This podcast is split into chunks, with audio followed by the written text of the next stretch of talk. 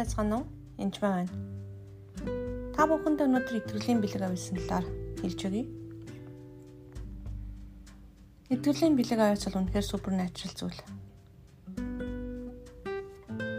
Тэг Йохан 5 уншиж. Тэгэхээр Библиэлд маш олон итгэлийн талаар байдаг.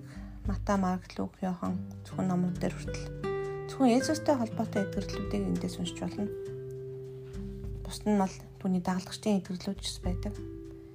Бүх идэвхлийн ишлүүдийг би төөж бичээд бүгдийг нэг нэнгөө уншиж судалсан. Иесус яг намайг дагаж чигээрээ гэсэн учраас яг Иесусыг дуурайх хэрэгтэй гэж бодсон. Яг түүний хилдэг хилээ тэр хүмүүсийг яаж ялгаж байна, яаж итгэж өгнөд би маш сайн судалсан хүн. Итгэрлийн бэлэг авяас надад маш хожоо морж ирсэн Итгэлийн бэлэг аваасаар буюу би Иесусийн нэрд итгэснээр итгэрлийг хийдэг байсан. Иесусийн нэрээр итгэр. Иесусийн нэрээр мужтгож зайл гэж. Яг үндэ та ямар ч итгэлийн бэлэг аваас байхгүй байсан гэсэн Иесусийн нэрд итгэх юм бол Иесусийн нэрээр итгэрлчлүүлтийг хийж болно. Бид яг түүнд хөгжигддэг. Тэгэхээр надад итгэлийн бэлэг аваад сүлд орж ирсэн л дээ. Миний нөхөрт надаас л байдаг. Тэгээд би Йохан 5-ыг уншиж өгье. Дараа нь Едүчтийн нэгэн баяр болж байхад Иесус Иерусалимд очив.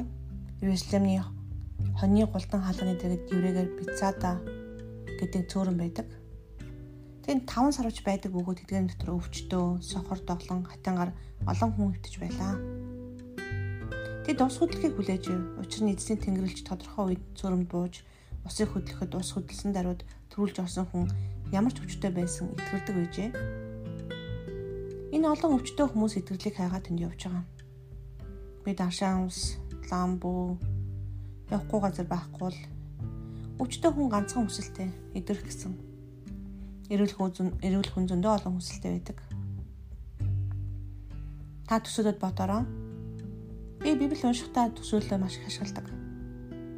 Тэр яг цөөрмийн хажууд байгаа олон өвчтөө зовсон хүмүүсийг хардаг. Хулгаар нь хуурсан, янз янз болсон, хэвтэрд байгаа. Норонхоо хувцтай хүмүүс. Эдгээр хүмүүс ажил хийж чаддгүй. Тэнд хэвтэж хэвтээ түлээж байдаг хүн шүү дээ. Тэгэхээр эдгэрлийн бэлэг авьяастай хүнд нэгүслийн бэлэг авьяас заавал хэрэгтэй. Яагад бол тэдгээр хүмүүсийг хүн гэж нэг үсэж харахгүй зүгээр л өвчин байна. Өвчний л эдгээ гэж бодгош харин тэр нэг үсийг тэр хүний яаж ямар зовлон туулсан байгааг харах хэрэгтэй.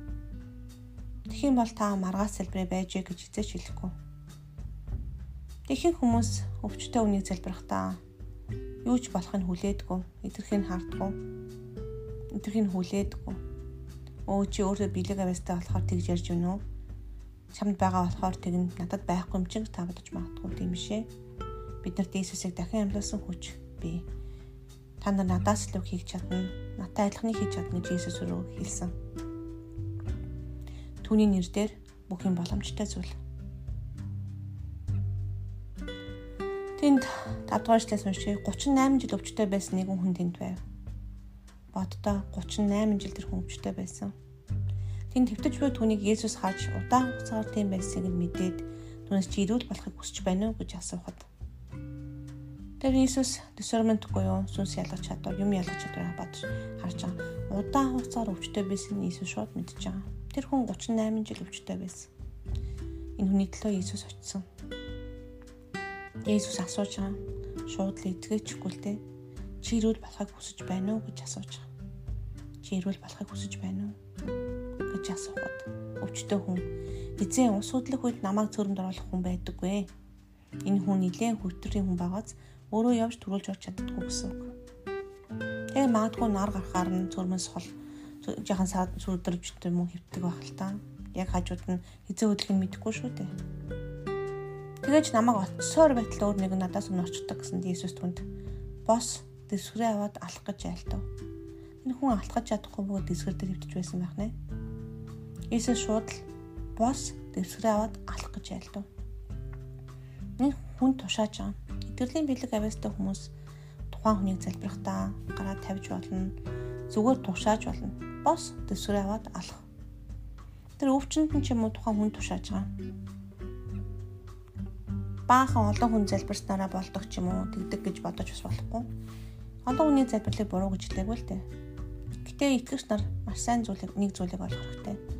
Миний дотор байгаа ариун сүнс таны доторч байгаа бөгөөд миний хэрэгэлдэг Иесусийн нэр таны тааж сайдлахын хэлэх хэрэг мэдэл байгаа бүх итгэгч нарт энэ их мэдлийг өгсөн гэдгийг мартаж болохгүй. Эдгэрлийн бэлэг авьяастай хүмүүс нэгүсэл үнэхээр чухал шүү. Тухайн хүнийг үнэхээр харахтаа өрөвдөн нэгүсэж хайрлаж тухайн хүнийг харах хэрэгтэй. Өвчнийг биш. Би өнөөдөр арьсны өвчтөй хүн зэлбэрсэн. Гараас нь барихын аргагүй арьсны өвчтөй хүн. Нөгөө жишээ солиор сэтгцэн өвчтөй бас. Би түүнийг барьж авсан Яг бол Иесус уян өвчтэй хүнийг ч гэсэн барьж исэн. Тэр хүнийг хайрлсан учраас барьдаг. Тэр өвчин өвчин нэтгэрдэг. Hypocrisy. Тэрнтэй адилхан та бүхэн тухайн хүнийг харж хайрлах хэрэгтэй итгэлийн залбирал хийгээсэн юм. Өнөөх хүн тэр даруй ирүүл болж төвсрээ аваад алах уу? Тэр өдөр амралтын өдөр байлаа. Тиймээс хэдээчүүд мөнөөх итгэгдсэн хүнд өнөөх амралтын өдөр чи дэвсгэрээ авч явж болохгүй гэжээ Та нар харж байна уу шашны сүнсийг? Чи өнөөдөр идэхгүй ээ. Өнөөдөр амралтын өдөр чи идгэж болохгүй гэж хэлж байгаа. Энэ хүн 38 жил өвчтөй байсан бөгөөд тэр өдөр алхаж байгаа. Тэр хүн ямар их өвчтөй байсан бэ? Нөгөө үнийг хараад баярлаж алгаа ташхын оронд чи алхаж болохгүй шүү дээ гэж хэлж байгаа. Ихэнх шашны төлөөлөгчдүүд юу гэж хэлдэггээр өө чи өнөөдөр идэхгүй л юм байгааз. Бурхан чамайг идгээгүй юм байгааз. Чамайг шийтгсэн байгаа ч гэдэм гэж хэлдэг яг үндэ интегрэлийн залбирал одоо буюу одоо цаг дээр ажилдаг. Одоо тэр хүн итгэрдэг. Магадгүй яг уу би энэ дээр ирэхэд хугацаа орж болно л доо. Тэгэхээр эдгэрлийн бэлэг аваас авсан үед гар нь халуу төөнөх ч юм уу, гар нь бинд хүрээгүй байгаад яг өвчтөө газар халуу төөндөг байгаа. Тэр үед та залбирах хэрэгтэй. Заримдаа гараа түнхөр гараас өвчин авж ийн ч гэм өдөр хүний өвчин авчихгүй гэсэн бодлоод зарим хүн дэр байдаг. Хизээч нөгөө хүний өвчин та авахгүй битээс наа зав. Ариун сүнс таныг дацсан өгöd хамгаалсан, хамгаална. Зарим хүмүүс хүүхдүүд нэг хүнээр залбируулахдаа өө хүүхдүүд рүү нөгөө чөтгөрн ч юм орчин битгий гэж хэлдэг. Тийм биш ээ. Би хараад айчхал гэж боддог болохоос хүүхдүүд залбирахаас би эзэж ядгүй. Яг бол үнэхээр тэд нар ариун өгөөд үнэхээр Иесусыг мэддэг тэр хүүхдүүд рүү бурхан хамгаалж л дараа.